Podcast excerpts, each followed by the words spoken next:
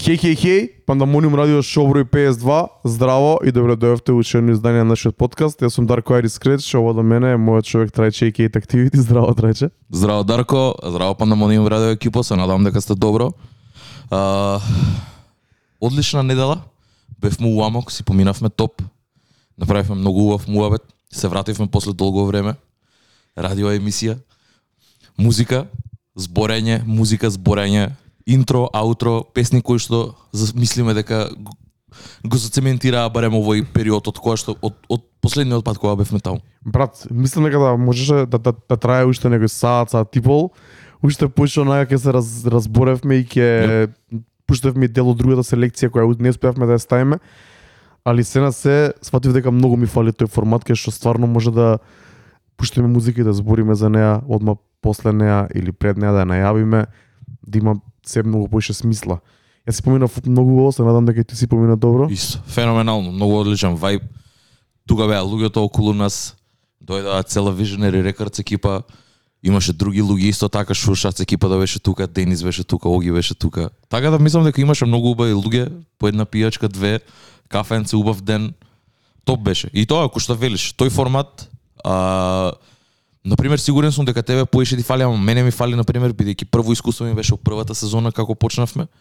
И некако од кога се навикнав на тоа, и овде се префрливме е малце поинаку чувството и не можам да го објаснам тоа на луѓе бидејќи кога век кога имаш музика, кога ја пушташ, кога ја селектираш и кога збориш за неа, е сосема поинаку него ли сега да збориме на на знаеш како не се ни спремаме, ама пак се на пример унапред определени некои теми за кои што би збориле и би ги споделиле нашите мислења. Таму е некако поинаку, ќе се дешаваа ствари ја да немам слушано музика што ти ја спремаш или обратно и најчесто беше така. Да. Така да реакциите за музиката која што ја слушавме најчесто и беа онака first impressions и твоите и моите. Тоа фали, ама мислам дека с- топ си поминавме, мислам дека имавме одлична емисија која што кажа можеше да трае многу подолго.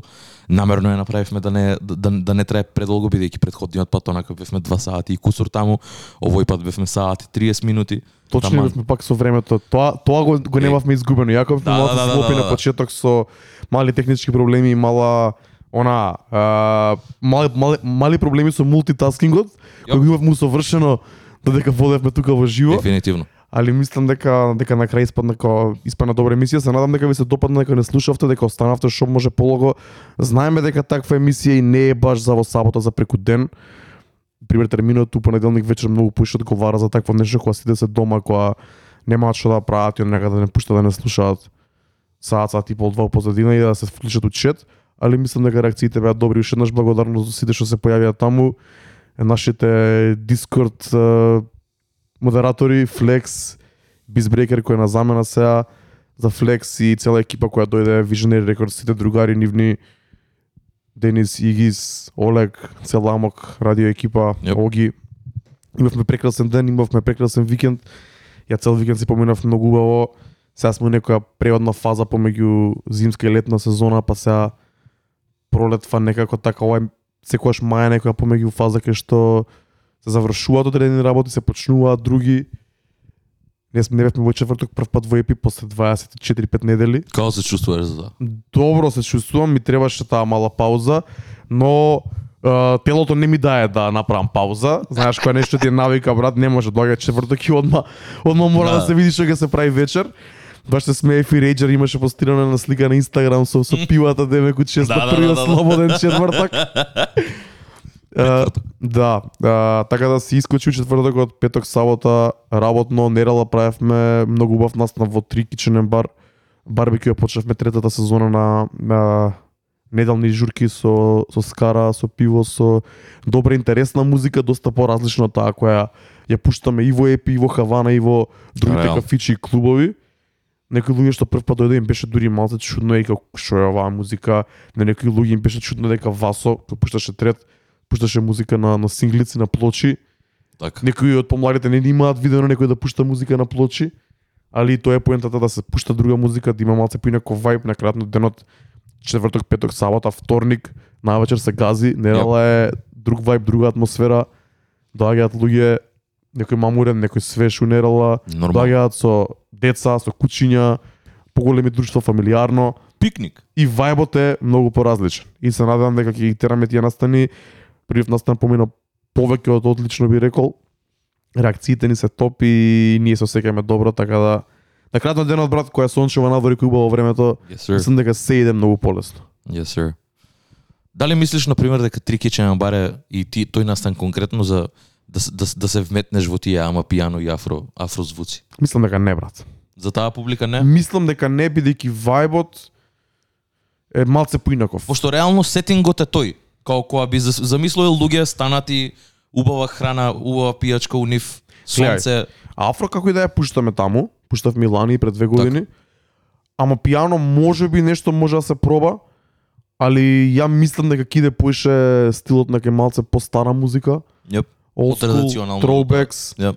а, поише R&B, дури малце реге, попиш реге, пушти него песни од Мек Милер, тие што се малце по- а, со Андерсон пак, Јеп. I can keep on Да. losing you. Uh, ми е некако тој стил. Да, ќе има афро, Така. сигурно ќе има Wizkid, ќе има Burna Boy, ќе има Буджу, ќе има се тоа што е пригодно за таму, али конкретно ама пијаното, бар тоа што мене ми се допаѓа тоа што јас би го пуштал малце поенергично е за за место каде што би се играло, би имало подиум, би се играло. Така. Ние сега за сега го држиме вајбот малце по наседење, со Ако потивка музика, фер. Да, ќе имаме еден интересен гост на почеток на јуни, тогаш мислам дека прв пат ќе одвртиме малце погласна музика. Ајде. И едва чекам да го направиме тоа, али отом потом чека да фатиме прво прво ред вака. Нема да збориме за тоа, нормално. Види, мислам дека имавме одличен викенд, се вративме ја и ти некако ко поише у форма, тоа го сетивме пак. И до следниот пат се надевам дека можеби и ние ќе направиме нешто наше такво пак да имаме некоја а, емисија каде што можеби ќе се деша, нема да се дешава константно ко подкастов, би може ќе видиме. Како и да е, јас знам дека мене многу ми фали тоа сега те убав муавет онака и подруга и енергијата и ја и ти која збориме бидејќи сосема е друг филинг од која правиш радио емисија наспроти подкаст. Пред да почнеме да го правиме, ја мислам дека е многу слично.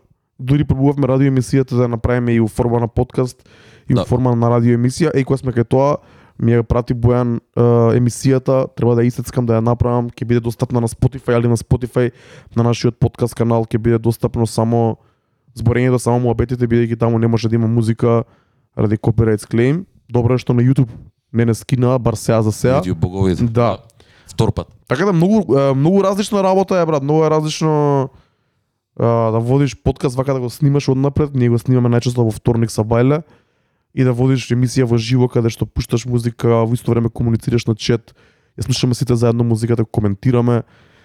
Ја и ти, како што кажа, често и музика да слушавме прв пат или можеби си ја слушнал повеќе пати или кога си фокусиран на неа тука на Да. слушалки и слушаш и некои други моменти кои ги немаш фатено предходно и тотално е друга, она, како се вика, и спремањето, но и самата реализација на, на тие две работи. Така да, добро да се прават и двете и тотално трета ра- различна ствар е да пушташ DJ сет во живо, како што најчесто и прават во Амок радио, како што Јап. јас правев на почетокот кога го тестирав микселар со тие мои сесии во среда за време на, на карантин. Тотално три сосема различни работи и ако вака можеби на прва изгледаат исто или слично. И затоа мислам дека сме одличен спој со Амок, брат. Тие репрезентираат едно, ние репрезентираме друго. Кога ќе се споиме, it's always a good time. Така да, уште една шараут за цела Амок радио екипа. Ви благодарам многу за, за ете, за можноста за да настапиме на вашата платформа по втор пат. И се надеваме и на следен пат, кога и да е. Тоа е тоа, ние сме тука исто да промовираме ваши настани, ваши дешавки. На крајот на денот се знаеме и се дружиме од многу млади, така да Јоп. на крајот на денот се ова е и за културата, и за нас, и за луѓето, и за публиката, и за музиката, и за се останато. Апсолутно. Таму зборевме за моменталниот голден бој во хип-хопот. Ќе збориме, мора мора да почнеме од таму, брат. Нема Може. чекање. А, збориме за Джек Харлоу. Конечно го извади неговиот албум. Долго очекуван, а, многу озборуван. Го преслушавме, јас се ја го за време на снимањето на Амок радио емисијата, не го немав преслушано онака во целост, имав слушано само неколку делови и ден одма кога се вратив го преслушав одредените исто така го преслушав уште еднаш милиграма. Сакам, на пример, реално ако правиме муабет, ти си поголем фан на Джек Харлоу, па кажи ми на пример како ти се свија, што како е, вака ако не не, не ни мора толку детално да кажа ми што што чувствуваш онака за уврска со албумот, како се осеќаш? Брат ми се свија. Не можам да кажам дека е нешто што е најдобро нешто што ги имам чуено последниот период, али ми се свија. На првото слушање ми немаше ни еден скип. Го слушавме во Зекис од Битола до Евгелија у кола. Да ти кажам искрено, сите песни една по друга како како течеше албумот многу убаво ми легна. Мислам дека има кохезија низ целиот албум. Overall, мислам дека Джек Харлоу супер го носи го носи албумот. А, ми се свига селекцијата на битови, ми се свига тематиката која обработува, ми се свига должината на албумот. А, ми се свига оној концепт, тоа го спомнавме во Амок, оној концепт на традиционален хип-хоп албум каде што има различни теми кои се релевантни за него во моментов. Он во моментов е вртоглав раст во својата популарност и во својата она хајп и кариера и се и мислам дека овој албум опишува баш се гледа дека е пишуван последниве 6 месеци година бидејќи мислам дека го опишува лајфстајлот кој тој го живее. Да, да, да. Тој сам тоа го кажа. А, по- последнава година се затворив ја и моите другари у студио и ова е продуктот на, на, на сето тоа време потрошено у студио. Ќе ти кажам друга работа на пример, ми нема ми немаше овие 3-4 дена толкав реплay value ко албумот на Future на пример, бидејќи станав утре дента, станав во саботата со Бајле. Не си го пуштив албум, не ми дојде само Душата да ти бара фьючер? само од себе си го пуштам. Не, Папи Нонзурис? пуштив а, а, ама пиано на пример во саботата. така. пред да пред идеме на, на емисија, кога се враќав од Евгелија кај Скопје. А кој излезе албумот на Future, станав и си го пуштив са бајлето пак. И после тоа си го пуштив пак. Кога кога требаше на go to ми беше go to проект за слушање тие 2-3 дена. Така. Ќе видиме како ќе легне, ќе видиме како ќе ејджне. Али тоа ми беше првиот впечаток, си викам, добро, чим се не ми дојде го пуштам, има нешто што не сум се закачил доволно. Да, да. Оверал ми се свија, сега ма збориме малце подлабоко, кажи ми ти први импресии, онака општи импресии, па да не влеземе малце подлабоко песна по песна Види. или да го анализираме. Да, а, уште кога уште кога искочи а, First Class као сингл, знаев дека ќе биде добар проект, у смисла добар, а можеби кој што кажа не е револуционерен, не е нешто што немаме слушнато до сега. И знаеш како? А, дури еве одма ќе кажам дека многу се као се чувствувам дека Дже Харлоу и тоа што го зборев некако се поклопува сето брат дека Ептен онака по формула е правен албумов, дека е сейф албум, дека не е нешто небезбедно за неговата кариера не е нешто што не би било прифатливо но, као прифатливо од генералната маса брат кој да чуе без разлика каков фан на каков хип-хоп си брат дали саш бенгери дали не дали слушаш трап музика или некоја потрадиционална може да се пронајдеш у албумов као лесен е за слушање не е over the top не е не е напорен да те да те измори онака да го слушаш лесен албум за слушање можеби не најкраткиот албум, ама многу добар, као Тамане, одличен, брат, одличен тамане. рантајм има. Ја са Вајле 15 песни има таму. Јас са Вајле, јас са Вајле се разбудив, си го пуштив, тап to bottom не се ни сетив кога го кога го изслушав брат. Јас така тоа ми се случи првиот пат кога го слушав исто.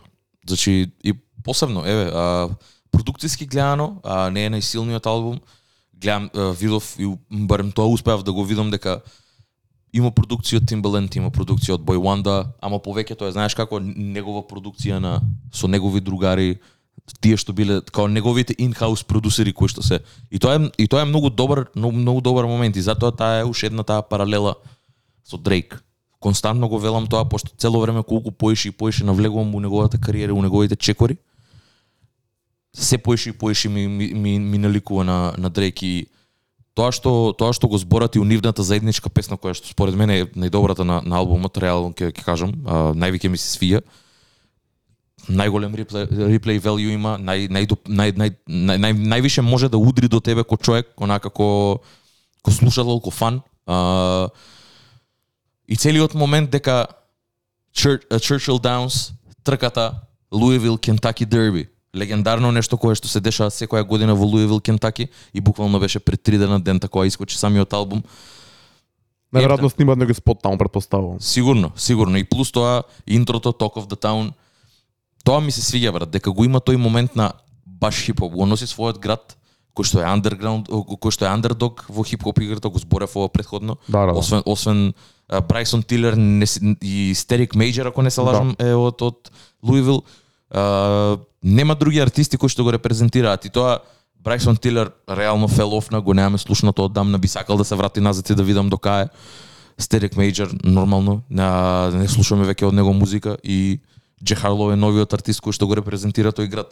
Така да секад имаш некој чип on your shoulder онака со, со, со такво во, во Америка тоа носи некоја тежина и многу добро се справува со, со него. Таков е, лайкабл лике, мене ми се свиѓа. Продукцијата, од друга страна, Една единствена замерка имам. Песната со Джастин Тимберлейк, сакав само да биде малце побавна, малце по минималистичка, онака попразна за да може и, и Джастин и Джек да си го направат своето. Песната ми се свиѓа, ама некако очекував малце поинако.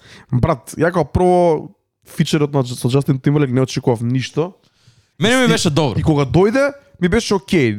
Не сакам да биде повеќе на мената да му одговара на Джастин Тимберлейк, на крајот на денот е Джек Харлоу. Да. Тука е Джастин само да го испуни рефренот. Тоа што ми беше чудно брат на Snoop Dogg тој фичер по наводници, тоа беше без врска.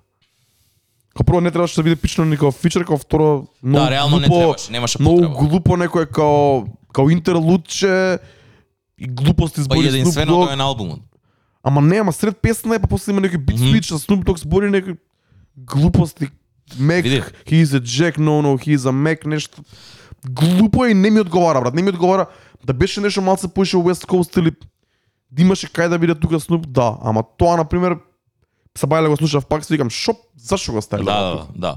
Види, има неколку ствари што се out of place, не велам не.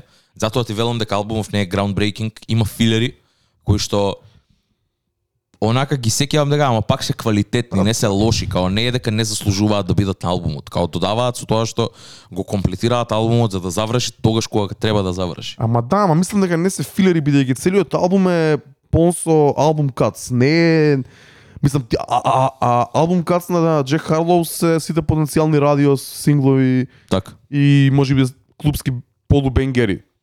А, не мислам дека да има филери, се разбира дека мора да има филери, дека има 15 песни, ама мислам дека секоја песна онака си има причина зашто е ставена таму. Сигурно. А, пак ќе кажа, мене искрено првата половина некако многу поише ми се свиѓа него ли втората. Ама all in all солиден албум. А, пак ќе кажам прав потек онака во кариерата на Джек Харлоу. Таа врска константно со Дрейк и нормално и нивната приватна онака врска кој што тие конекции што ги имаат меѓусебно и вајде и некаква помош од страна на Дрейк, не е само коусайн се гледа дека Дрейк најчесто се гледа кога, кога некој сака и сака да соработува со него. А, ова е видливо овде, некако валјда. И тоа Дрейк сам го кажа на интервјуто, не знам дали го гледаше на Кентаки Дерби имаше интервју, Не. се стаи он од, од позади и као и самиот кажа дека го потсеќа многу на на самиот себе он кога почнал. У смисла дека втор албум вадиш и онака си го вадиш срцето си кажеш све што имаш, сите емоции си ги ставаш на место да збориш за кучки пари, дрога, тоа што било што би било најактуелно и што прави што би правило бенгери. И до та- таму се сложувам со него и, и, и гледам зошто а, Дрейк се гледа себе си во во Джек Харлоу, во тие во тие почетоци во во деновите на Take Care и на Ме разбираш? Сваќам до некаде. Hometown Hero, кој што кажа, тоа е одлично, репрезент за Луивил, одличен албум, не е ништо револуционерен, но не е ни groundbreaking, ама е тука да остане и мислам дека ќе се да, ќе се најде добро онака ќе слета во целата дискографија на Джек Харлоу, каде и да иде од овде натаму. Па да брат, ја мислам дека би се сложил со Дрейк, ама и не знам дали толку би се сложил бидејќи да, Джек Харлоу збори тука за си го остава срцето по наводници, ама не е па дека е толку дип како што беше Дрейк. Дрейк беше Факт. многу по она vulnerable како Да, се да, вика да, да, да, македонски по, тоа, брат. се остава онака да биде повреден, да, Повреден, да, да, да, повредлив. зборат, да, повредлив, да. А, си остава простор за луѓе да зборат за тоа, ама знаеш како Дрейк пак го користеше тоа во негова најдобра полза. Сите тие критици, сите тие што му збореа за тоа дека бил софт, дека бил сев тоа, на крајот на, на крајот он го искористи во, не, во негова полза, не успеа, не дозволи тоа за за, Да. за тоа да го тоа да го надвладее некако. Джек Харлоу не мислам дека е софт. Мислам дека е баш таков каков што е и затоа ми се свиѓа дека албумов ми изгледа дека е многу реален, бидејќи зборува за работи кои со кои што можам да се поистоветам и јас на пример, брат. И секој друг млад човек, или дали е маж или е, жена, дали е момче или девојка, брат, сите ги поминуваме ист слични во овие ствари, сега на некој друг левел, али тоа е тоа. Као збори за збори за девојки, збори за лайфстайл, збори за други работи. Тоа што тоа што многу интересно што гледав вчера интервју на Hot 97 човекот не пие алкохол и не се дрогира ништо брат. Тоа е многу чудно во моментов за за, за целата сцена.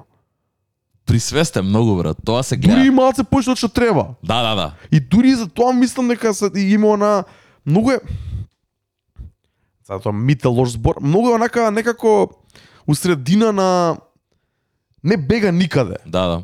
Дури можеби и премногу на моменти на албумот. Safe bet. Да, да, да. Тоа, знаеш како? Пресериозно си има сватено, Да. сватено работата Да. докај што као не смее сам да пропадне, разбираш? Као не смее не смее да да има девојка која што би го уништила, не смее да да има вечер кај што ќе се напие премногу или ќе се издругира премногу за тоа да изгледа лошо на него, као не сака ништо да му се деси што би му што би му го нарушило резимето препротективен од самиот себе, ме разбираш као Ептен си го чува тој лайфстайл, искрено и не знам тоа баш дали е најдобриот најдоброто за него, пошто онака као зашо би го правил тоа до тој степен, ме разбираш? Ја го разбирам тој грайн, тој хасал брат. Ја не можам ништо да правам дур работам, буквално, као до тој степен каде што не ни можам ни музика толку многу да слушам. Разбирам тоа фокус и све, ама тоа е веќе вадење од степен нагоре кој што реално и можеби и не ти носи толку многу, ме разбираш, кога мораш мораш да имаш време кога да можеш да да, да, да се опуштиш, да да се повлечеш од тоа малце, да земеш инспирација од друго место него ли само да идеш у студио и да снимаш музика без па не не мора да се алкохол и други брат, било што ме разбираш, дури и спорт да е ако си повлечен и од тоа, тоа што е проблем. Што и да е, без разлика дали е порок или не е. Така да не знам, тоа тоа тоа да, се слагам дека тоа не би било најдобриот потек. Мислам дека Ептен онака сам се поиша затвараш кој артист ако тоа цело време го правиш ако не успееш пошто на крајот на денот секој искуство може да роди некоја нова Да, и- песна. и на крајот на денот што ќе ни кажеш во следниот албум, брат? Као бил затворен година дена снимајќи го предходниот.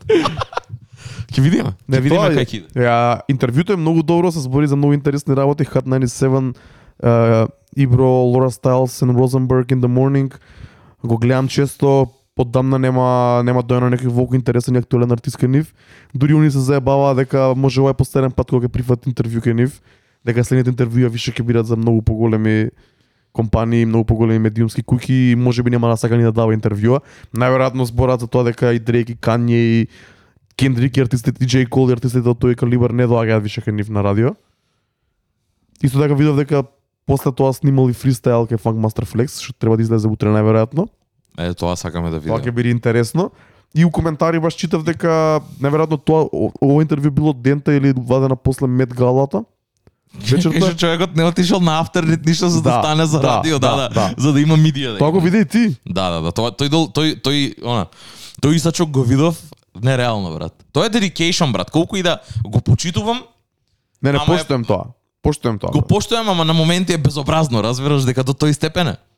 Ама го поштојам, знам од кај доаѓа. Ама не брат. ама он е, он е студент на играта, он знае што значи интервју на Breakfast Club или на Да, да. Hot 97. Мислам дека тоа го установивме дека Джек Харлоу е еден од единствените онака, еден од ретките луѓе кои што е стварно студент на играта и кога ќе кажеме студент на играта е човек кој што артист кој што зима инспирација од најдобрите потези на сите пред него и ги само имплементира во својата кариера. Да. Тоа се сека мислам дека и по семпловите и по битовите и по селекцијата на фичерс на овој албум се појавуваат, се појавува оној семпл на Shot Beautiful на Snoop Dogg и, Да. и Pharrell, Да. флипнат во друга во друга форма, се појавуваат и некои други моменти, има и некои референци. Са во моментов не можам да се сетам точно кои, ама има и некои референци од постари рапери во историјата и се гледа тоа и се осеќа тоа, брат. Плюс на крајот денот доаѓа доаѓа од хип-хоп, доаѓа од рап и сака да е рапер. Тоа е многу битно. Да, да. Он не сака да си го разводни тоа што го има моментално брата. Знаеме дека може да рапува така да Оке, оке, на крајот на денот добар албум. А да ги кажеме лошите страни на албумот, а? Премногу е сейф според мене брат. Ама не би очекувал ништо подруго од Джек Харло. За мене е сейф пошто ова е албумот кој што можеше да го направи. У секој момент албумов можеше да го направи, ме разбираш? Каде и да е у својата кариера, можеш, ама мислам дека е таков артист, на пример, не би ни можел да го споредам со Мек, каде што многу поише експериментираш со музика, ама не го гледам Джек Харлоу да, да експериментира, на пример, или да прави поразлични ствари како Кендрик, а, па дури и Джей Кол да го промени својот звук да на поинаква продукција. Мислам дека е на крајот на пак сейф албум за него, Брат, ама и него него хейтам за И тоа. он сам кажува во еден во текстот во текст на песна вика а, не икем да бидам ниш, сакам да бидам популарен да да ги повлечам и моите луѓе со мене да заработиме сите многу пари. Така е он сака да е тука, сака да е тој Да, да, да.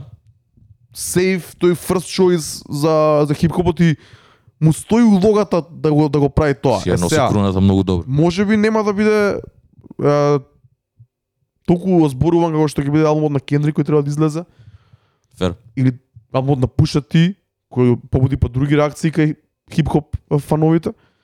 Али мислам дека ќе си го добие тоа што се треба. Е сега, мене тоа што не ми се свига е тоа што ми фали ми фали таа мелодија, ми фали тој момент на малце поише пеење, ми фали тој момент на можеби повеќе малце повеќе гостувања.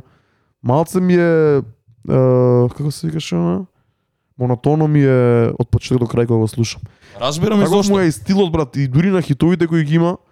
Ја тргам на страна First Class, мали First Class це- целиот семпл ја прави песната, али Ако What's, не беше семплот, немаше ништо да види од тоа. What's Poppin' и другите хитови као човекот не е добар за рефрени.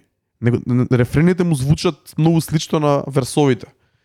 И тоа мислам дека е проблем on the long run, ако не при колаборации, мислам дека тука би се исцицало тоа, бидејќи нема нешто на што можеш да се закачиш. Например, од 15 песни, дали 3-4 имам некој момент што ми има онака останато да знам точно која песна. Другите песни сите ми се...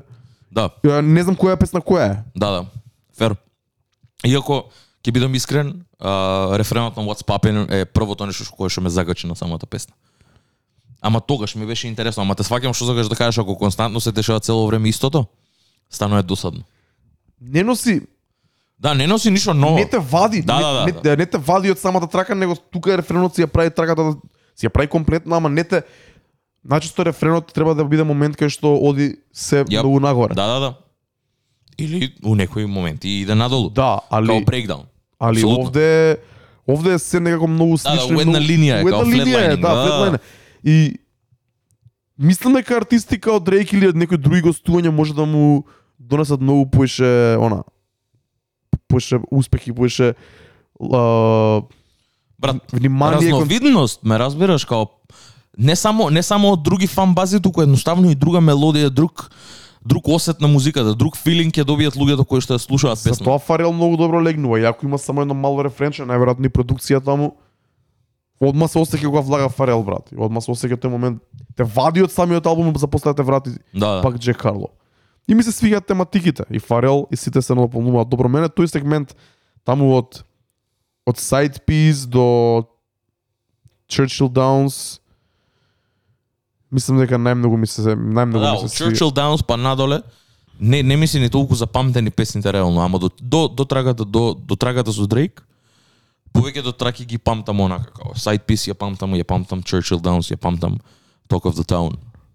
Интрото. Мене интрото исто така многу добро ми многу добро ми функционира за албумов ко целина.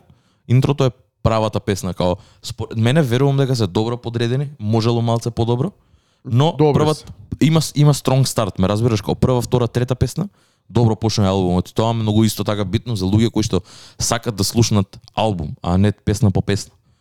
Доб...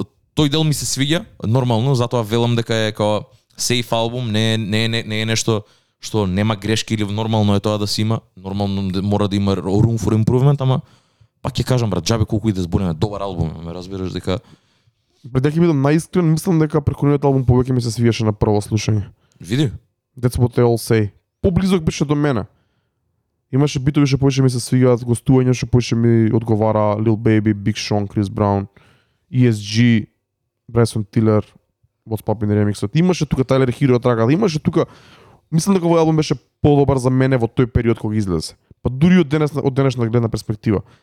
Треба да ми легне уште малце овој да видиме, па после ќе ќе видиме. споделиме. Ќе видиме, да. Усмисла дека овде може и нема хит, на пример, таков бенгер ко Тайлер Хиро, ама ја има First Class кое што реално сега, на пример, моментално си го има својот момент. Има спот. Сигурно ќе се, се извади и спот и со Дрейк, тоа шанса која што валја нема да ја пропушти. Да, да, да. Ќе видиме. Ќе видиме. Таму мислам дека е у добра екипа, со добри луѓе, има добар тим позади него. А, исто така моментот кај што вели дека а, executives не знаеле као он ќе парира заедно со Lil Uzi Vert кога, бил, кога биле заедно под Generation Now. Тоа е многу добар момент дека као секад бил онака look down upon за се за сам се се што има постигнато се има сам направено бидејќи многу луѓе го као се двумеле дали ќе го биде или не. Таа тоа е добар момент пак. Знаеш како доаѓа од таа од тој underground од тој underdog момент и заради тоа е поштоен од сите дека ово успева да го прави. И го бива, брат. Го бива апсолутно добар артист е брат. Какви се критиките, бе? како осеќаш луѓе во кои се реакциите на луѓе во Најчесто се позитивни брат. Ја уште немам видено или немам прочитано на пример дека дека е лош албумов. Можеби некого нек, некој ќе каже дека не е ништо посебно, ама албумов не е направен за да биде нешто посебно, Точно, ме разбираш како таргетирано е намерено е направен за вака за да биде достапен за сите брат. Без разлика дали си ти рап глава или не, или слушаш само трап музика или мразиш а, вистински хип-хоп, као, што и да си ќе си најдеш нешто на албумов, ме разбираш, ако, ако сакаш текст, ако сакаш емоција, пушти си ја трагада на Дрейк, ако сакаш да чуеш андердог момент, пушти си го интрото кај што збори за од кај доаѓа и све тоа. Има многу моменти за кои, у кои што може било кој да се пронајде да на албумов. Не, не е туку така, направено за сите. И мене тоа ми се свиѓа кај Джек, дека ја има таа, затоа велам формула, иако ретко некој да може да ја реплицира, ама со правите чекори, со правите потези, а, и тоа моментот каде што го, го држи целиот тим околу него многу силно онака со поддршка како сите има дури и продуцентите имаат writing credits на сите песни брат. Како погледнав на Genius баш намерно да видам како не е само Джек дека Джек е само артист, инаку у producers и у writers се продуцентите, он е на секоја трака ставен како продуцент и плюс сите продуценти му се ставени како writers. Со значи дека тие земаат роялтис за све живо и диво. Некако као питата е многу добра поделена, ме разбираш, и тоа е многу добро. Тоа е многу genuine од него. Сега не знам како им се договорите, ама чим ти имаш writing credit, сигурно си бил платен за тоа, не може да не си платен. Така да, тоа е многу добро, тоа е многу искрено, брате. Чим го вели у траки дека тој и неговите луѓе сакаат сите да успеат, тоа е сосема фербер, тоа е многу добро. Пошто ретки се тие моменти као знаеме дека у рап култура најчесто сите тие кликови околу артисти, ама многу голем од нив, многу голем дел од нив тоа е само као фейкање, као еден златен ланец и тоа е тоа сите живеат онака под дупки или нешто такво. Овде е сосема друг момент се гледа дека ги не се моментални пари, као нешто што константно пасивно они ќе добиваат, пошто на пример не знам, продуцентот на на Roll Mo- на No Roll No Roll Models од J Cole се уште зима пари од тоа, ме разбираш, пошто песната нек ни стана Ten Times Diamond као такви пари се боле него ли инстантни пари него ли некој да. Да. ти даде 10.000 долари за да ги спичкаш сега на, на златен ланец. И мислам дека тоа е правиот прави, правиот потек брат. Затоа затоа ми се свиѓа мене кој човек пред се второ ко артист. Брат, на крајот на денот само тоа ќе го повторам, мислам дека го кажав тука прошлата емисија или во Амок радио, не се сеќавам. Мене ми фали ваков ќе ќе наречам генеричен хип-хоп Абе звук. константна. Ама ми константна, фали да, ваков да, да, звук, да. ми фалат повеќе вакви артисти, брат. Се е некако или многу left field, или многу right field, или многу Да, застарено. Да, да, Ми да. фали нешто ново што е вака општо прифатливо за Така. сите, брат. Па врз основа на ово да се изгради нешто друго. Бидејќи гледам дека еве, ќе збориме за Кендрик. Луѓето експериментираат, збориме за Пуша Ти. Нема толку рипле рипле value, ќе видиме дали ќе има овој албум. Али со секој одма разликата. Повеќе би го пуштил него, повеќе би го пуштил Future, јако Future е више постар постар артист. Ми фали малце нешто по-нормално да речеме у хип-хопот, брат. Така. Бидејќи нема толку. Периодов нема, последниве години Да, да, нема. да. Да, да. Не се знае која е константата, која е онака prime example за се, за, Да, за што би да, било да. албум на годината. Да, да, те разбирам. Па дури албумите на Kanye и на Drake ги зборевме, за тоа ми се свиеше и албумот на J. Cole, на пример. The Off Season кога излезе, беше некоја такво парче, беше онака баш добро нешто за во моментот што ми се слуша, брат, и што може да репрезентира хип-хоп сцената од артист кој има голема голема дискографија позади него. Пак он он ни дае он ни дае некој парче музика што беше поблиско, мислам дека до генералната маса отколку преходните негови проекти Фер, да. со Off Season. Јоп. Посеб, посебно со последните два. Као For Your Eyes Only и Forest Hill Drive беа исто така многу онака down to earth. Ама после тој момент со Middle Child, со K. Ама беа тие беа албуми за неговата фан база, брат. Да, да, да, апсолутно. Јас тој период него сакав, че кога Да, не ми да, да свиеше, ми беше многу длабоко со, со своето. новите со новиот проект придоби многу, многу други фанови. Од Middle Child па надека Да, придоби многу да. многу голем број на фанови за да стане тоа што е денес. Фер, те разбирам што сакаш да кажеш. Ете, а, само на брзо ќе спомнам, а, на пример тоа зборевме дека иако бројки ништо не ми значат, а, и покрај цел- целиот не е ни хајп, ама знаеш како целите очекувања околу албумот, албумот е предиктет да направи 120.000 или 120 до, од 120 до 125.000 first week sales, што сигурен сум дека ќе има онака number one, освен ако Bad Bunny не изведе уште еден албум сега за да направи партал. Нема брат со Бет Бани, Бет Бани петата недела да. може да има поише продаено од Джек Фер. Хало првата. Фер. Само што не знам дали спаѓаат у иста категорија. Ќе видиме како ќе се деси тоа. Ама да, ама бројки не значат ништо. Future имаше 222.000 за first week sales, што Добро, ајде. за мене знаеш како дури премногу се искрено. Па има Ама и на 26 крајот- песни, го Ама на- манипулираа тоа го и- зборевме. И, и, тоа плюс. И тоа сваќам дека колку разлика прави. Сега ќе видам со ќе видиме со 15 песни што ќе се деси. Ама пак не- бројки не значат ништо. Ја ако треба да ги рейтам, попрво би го спуштил албумот на Джек Харлоу, него ли на Future. Така се така се така се осеќам ја. Иако не не ни може да се спорадат еден со друго, брат. Ја ќе оставам да ми легнат малце брат. За слушање тука негде ми се фьючер како поминува време повеќе ми се свига брат. Ке ти легне брат Future е секад ќе најдеш прав момент кога да го пуштиш. Тоа е, тоа е магијата на магијата Да. која фьючер има на своите синглови, своите проекти. Yes, sir. Дека поголем дел од нив еджнуваат добро брат. Јап. И кога му се вратам сега за една недела, баш ќе видам како се осеќам и за едниот и за другиот албум. Али бројките не важат ништо и ќе видиме, мене не ми се верува толкова да е разликата, бидејќи First Class у старт има многу многу views и многу plays, али ајде да видиме што ќе се деси, па ќе збориме следната недела ќе ги имам официјалните бројки така. Јап. Uh, сакам само брзо да напоменам еден албум кој што го изоставив, а го, го спомнав и една од песните во интрото беше дел од албумот. Новиот албум на IDK, албумот се вика Simple. Едноставен албум, преуа преуа продукција, а, целиот албум е во продукција на Кейчо Чонеда. А, исто продуцент кој што онака вире помеѓу тој онака нек, нек, некој melting pot од електронска музика и хип-хоп. Има има има неко има краток е, а има онака интерлуц, има све во 7 трап траки, феноменален проект брат, многу лесен за слушање. И многу интересно дека IDK а, го изрејта албумот на Джек Харлоу со Кецот 10. Тоа ме многу зачуди, не знам зошто, дали е тоа дека у исти момент извади албум и дека може би не фрли нешто, не, не знам зошто е тоа така, ама не, не се ни споредуваат двата албуми, као ова е онака како ко Луси, фрлен проект чисто да, да, да се одржува у, у, у циклус да биде целата таа музика на IDK и да врти, ама Мене ми се свиѓаше. Ја, ја слушна Dog Food, не знам дали прв пат ја слушна која која ја пуштивме на радио. Да. да. Ти се свиѓаше тој Да, звук? да, да. Добро, добро. Мене, мене, мене ми е добро, брат. Кечо Нада секад знае да направи онака да погоди добра продукција за некои хип-хоп артисти. IDK е таков кој што, иако ме нервира дека се поише и поише звучи на стариот Кање, нешто што го имам веќе спомнато и дека и на претходни албуми, ама онака уживам да го слушам, не знам, ужив, има неколку песни овде, као дека дека има као еве, тако, The Code, а, и има две песни кои што се Southeast to Paris и Paris to Southeast, тие се као интерлуц, едното е аутро, другото е интерлуд, као втора трака. Буквално има четири песни на албумов, ништо поише од тоа. Така да шорт ли се не, добар ли се не, ако сакаат, ако сакаат луѓе малце да слушнат побрза продукција, нека го пуштат, мислам дека ќе се пронајдат таму. Ќе го чујам и ја брат. Треба. И уште еден артист кој што го имаме зборено од дамна, кој што не беше тоаш под радарот, веќе го пратам, си го пратам цело време. Има извадено поише проекти, ама овој некако ми беше подобар од сите тие предходни.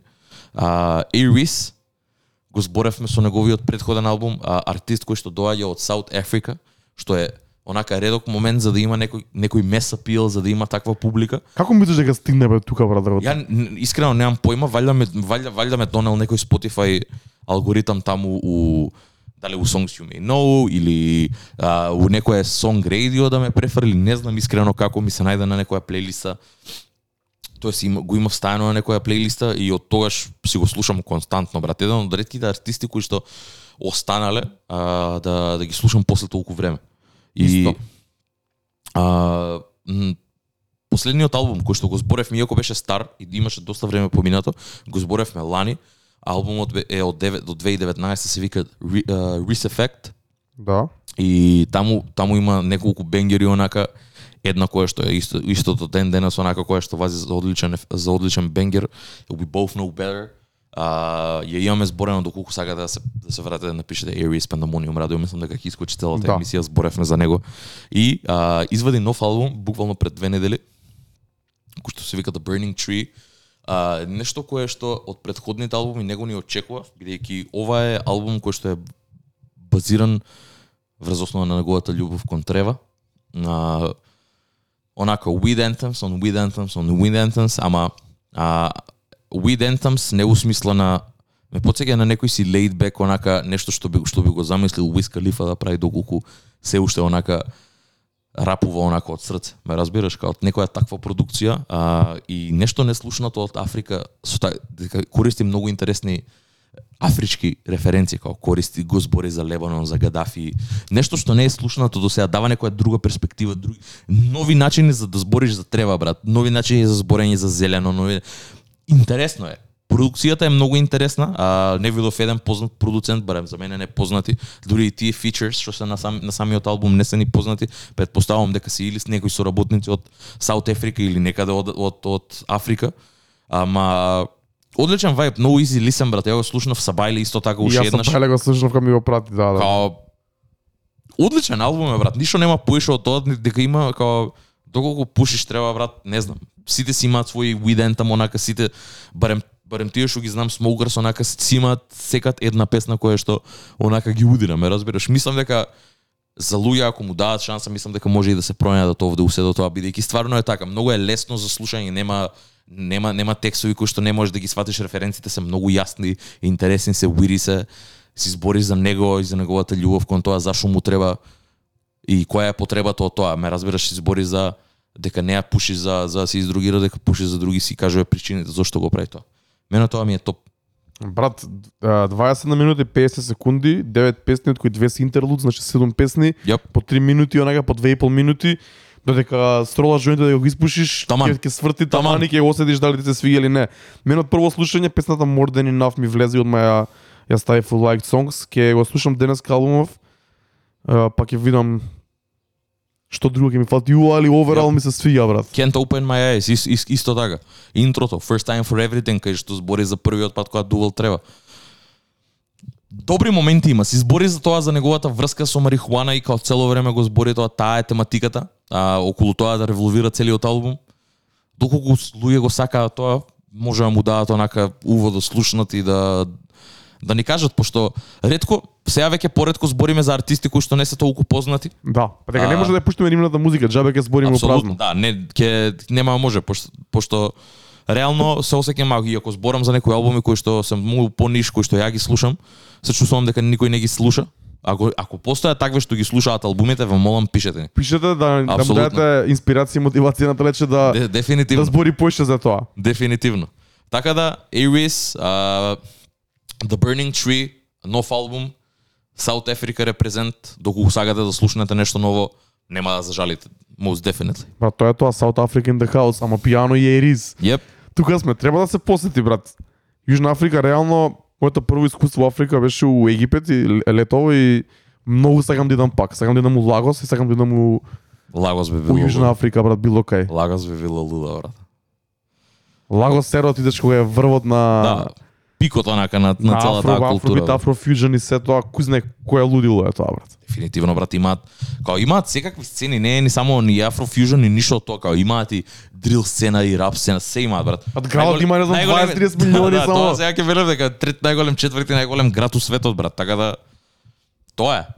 Сигурно е многу добро, а, сигурно и културите се многу различни. Африка која Африка е една од еден од континент, мислам ако и не е континент со најмногу диверзитет. Да. Така да сигурно а, дешавките и животот кој што го имаат во Јужна Африка сигурно е многу поразличен него ли тој у Нигерија, така да И тој у видиш Египет, и тој у Египет, така да ќе видиш многу различни перспективи. И затоа тоа го прави толку да биде интересно. Затоа и Ирис ми е интересен, пошто никад нема да слушнам такви референции за треба од некој амерички артист. Добре, ама звукот му е му е светски. Звукот му е светски. Звукот му е светски, да, апсолутно. И дури и влечи со таков акцент амерички некој, пошто имам слушнато луѓе од Саут Африка како зборат и не зборат така како него, ама се гледа дека е пласирано за друг маркет, ама сепак останува тоа true to its core. Пак си користи негови фрази, си користи ствари кои што може би ќе те натераат да изгуглаш нешто, ме разбираш? Така да, all in all добар проект доколку а, пак ќе кажам, доколку сакате да чуете, ве молам и ако чуете, пишете ни, кажете ни како се чувствувате за музиката која за која што ја зборим. Тоа е тоа, брат. И останува уште една единствена песна. Дарко веќе обраќа очи, него ни гледам, знам дека обраќа очи. Ајде, Let's do this. Да.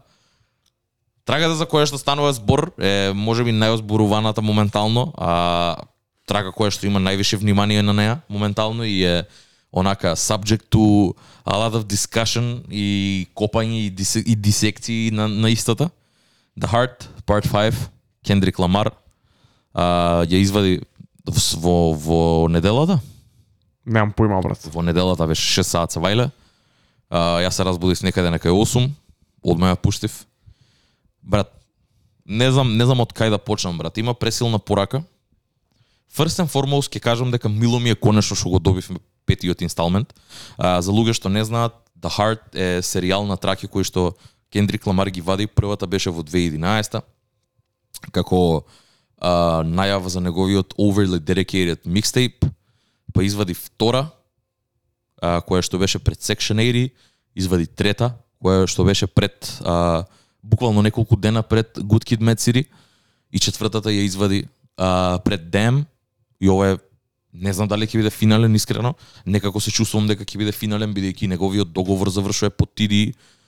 Искрено не знам што планира Кендрик, ама така се чувствувам дека со Part 5 убава бројка е 5.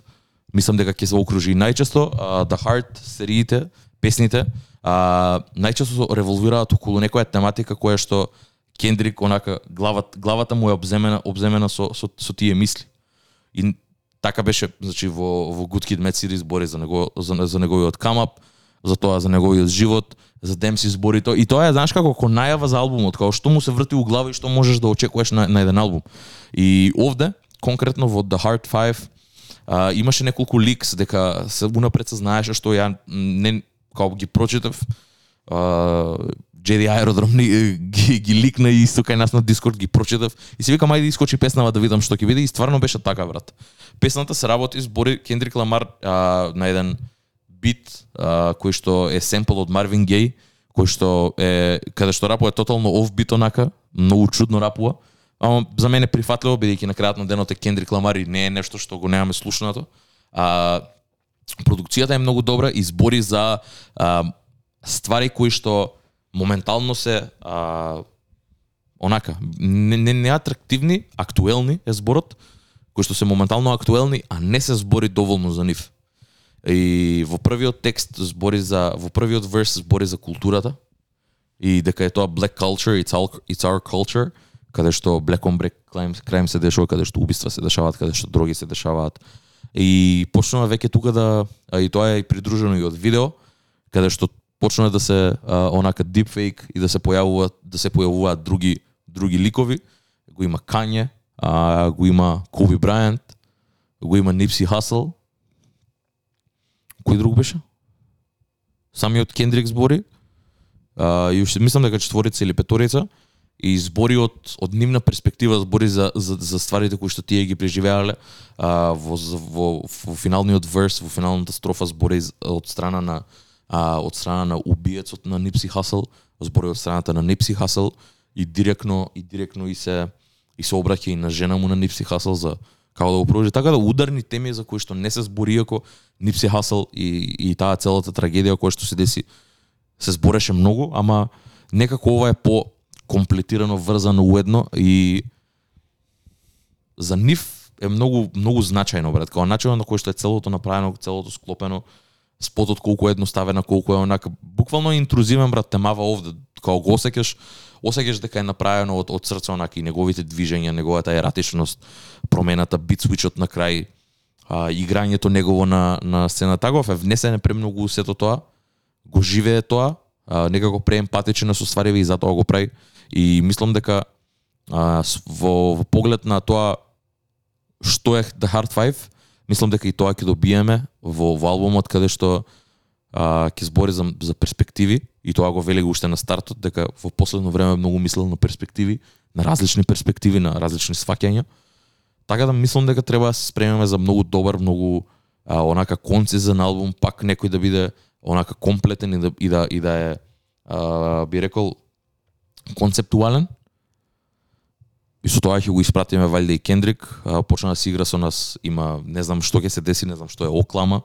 А, валјде е тоа неговиот нов алиас, не знам дали ќе продолжи со него или не. Ама ова е последниот албум за TD а, и мислам дека ќе добиеме без разлика што и да добиеме, мислам дека ќе е out of this world и мислам дека тоа ќе биде онака најозборуваниот албум со на најмногу а, со најголема вредност каде што многу теми, многу многу теми ќе бидат обработени, многу теми за кои што не се збори или, или некој не може да се осмели и ќе биде онака со многу внимание кон него така да може и да да не да донесе промена, ама да да направи некој ripple ефект за понатака да се деси нешто. Ја така се чувствувам, само врз основа на една песна, брат. Песната само по себе ми е феноменална, ама пораката што ја носи ми е уште толку подобра, ми ја прави да биде само подобра и подобра. Ти? Ништо. Ништо од тоа, брат. Не, шала на страна. Big up за Кендрик, на- за Кендрик за песната. Сваќам што сакаш да кажеш, прочитав ја лирикс, прочитав ја а, критики и она а, дисекција на самата песна. Океј, искрено ќе бидам полотработите таму не ми значат ништо. Нас никому ништо не ја ќе лажам ако ако ти кажам дека нешто ми значи, ме разбираш, ама за нив за за тоа за нив што значи знам знам дека значи многу. Брат, за кого? Не знам брат, си имаат кого, они брат? community leaders, си имаат све живо и диво брат, они пак се такви се tight knit community се брат, живеат у гета брат, некој не може таму се заробени у се и свашта брат. А, мислиш дека во гето се слуша оваа песна? Улиците слушаат друго, брат. Ова не, Да, е, ама- ова не, ова не го слушаат улиците, ова го слушаат бекпек рапери, нрдови ко тебе и ко екипата на Дискорд од Македонија и од цел свет и го величаат, ме свекаш. Не, Не е ова нешто ја мислам дека ја мислам дека кога е Кендрик прашање, мислам дека сите го слушаат брат. сите го преслушуваат да видат што е. А дали ќе го слушаат ова на, a daily basis не ми се верува, брат. Па не е ни за слушање на daily basis, ова е Е, па поише ко порака брат. Добро? Ова е поише ко порака брат. Ова е Окей. ко онака, ко Окей. порака, ко ко Не, окей. Телеграм ти дегна, стигам као доаѓам, е, еве. Не, не, добро, добро, фер. Ја фер. така го сваќам, брат. Не го сваќам ко песна која што би можел да тоа ја ја пуштиш, брат, се гнасиш, се ежиш шо и да е какви емоции да ти буди. Ги исклучуваш и тоа е тоа, после се запрашуваш за сето тоа. Ама ние не можеме, ние не можеме да се испоистоветуваме со тоа пошто не го живееме тоа, брат. Не, Тоа е, брат. живееме у Комтон, не живееме, не, не, не се дешава у бутик кај нас да, да, да упукаат некој да го остават мртов таму, ме разбираш, со, со три деца и со, и со жена. Перспективата негова и перспективата која ја застапува тука е многу далечна од сите перспективи кои јас можам да ги замислам за луѓето што живеат. Заради тоа и најчесто ние не можеме да се поврзиме. Да, да, да. О, не постои брат. Тоа само у Франција, оние гета на со алжирци и со црнци. Ама таму се другите проблеми, ама таму се други проблеми. Таму не се ни соочуваат со толкав со толкаво ниво на расизам колку што колку што е во Америка, сепак Па, го има, брат. ама таму имаат други проблеми. Социјални проблеми. Долга тема е овој, не е тема Апсолутно. што ние треба да разработуваме овде. Дефинитивно. Ама, е, ќе кажам на кратко, брат. Песната не е нешто што ја би го слушал.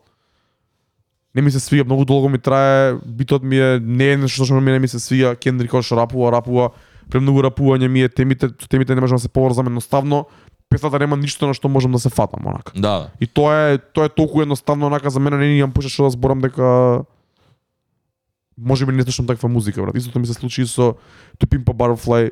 За мене најмалку Да, да. слушам проект, па дури и Untitled. Не го слушам тоа, брат. Тоа не е not my cup of tea едноставно и Јоп. Тогаш мислам дека за To Pimp My Butterfly песната I излезе како прва најава. Да. Не знам дали можам да ја споредам, ама онака знам дека All right, ако не се лажам или или така All нешто. Right, или- Да. Нема не се везе. сеќавам, не се сеќавам кој беше. Исто, исто има спот. Да, да, да. Uh, мислам дека едноставно не е за мене и тука гледам дека паралело може би ќе сгрешам, ако кажам, али у мојата глава таму некаде припаѓа, не би ја слушал, не можам да се поистоветувам со тематиката, не ми се свига брат, не, не е за мене. Воопшто. Нормално. Не, види. Не е наменета за нас, брат. Ние не можеме ништо да направиме. Ова е поише, затоа затоа ти велам поише е порака. Поише е ко давање на перспектива на некоја поразумна страна онака за да за да можеш да се ставиш у, дру, у, у нечија друга кожа, ме разбираш? И тоа ако направи некаков некаква промена кај нив и кај нивната не публика, туку кај нивната живеат таму, популација, да, да, да, што го да. живеат тоа, ме разбираш? Затоа ние не можеме да се поврзаме, брат. Не дека мене ништо, нешто на духовно ниво ми, ми значи нешто песна, ама ја гледам поракава, го гледам трудот, го гледам искреноста во тоа што он, он го збори. И од, од, од тој момент го ценам, а инаку дека дека мене нешто ми значи ќе да изгледам, ја не можам да се поврзам со тоа, брат. Ние не Тоа сам знаеме што е тоа, брат. Тоа сакам да кажам. А од тој аспект да. Ама вака како порака, затоа велам, него сваќам поише како песна, сигурно ќе ја преслушам уште три пати макс до крајот на година. Фер, ама и така е, ама ја сваќам поракава кога уште кога искочи, ја ислушав цела и буквално од Genius, свежи, Тоа тоа. да, Reddit, Тоа барање, е тоа, едно да. друго истражување, брат. Кој го правил спотот, па после искочи дека луѓето од Саут Парк, па после и тоа не ми се свиѓа дека искочи дека има некој спот каде што еден артист веќе тоа го има правено Ајде и кажи тоа ми ме нервира. Две работи сакам да прашам. Прво тоа, што ќе се случи ако некој друг го направеше тоа?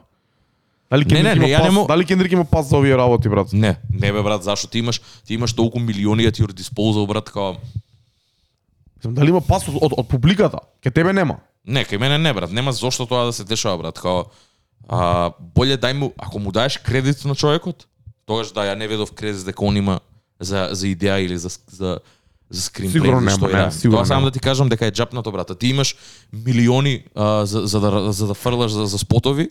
А, Брат, добрата идеја не, не може да купиш со пари, брат. Тоа е сакам да ти кажам. Тоа сакам да ти кажам. А, од секад бил, од секад бил genuine. Ова е првиот момент каде што онака го гледам и тоа ми малце отфрла, но пак теж, не одзима од тежината на самата песна, ме разбираш? Може би од, од, од артист, од она, уметничкиот дел да, но од тежината на песната и како е сврзан спотот со, со, сама, со самата тематика од песната и пораката која што ја носи, не. Ама да, кој што велиш, за мене не е тоа, не добива пас, не може да добива пас брат.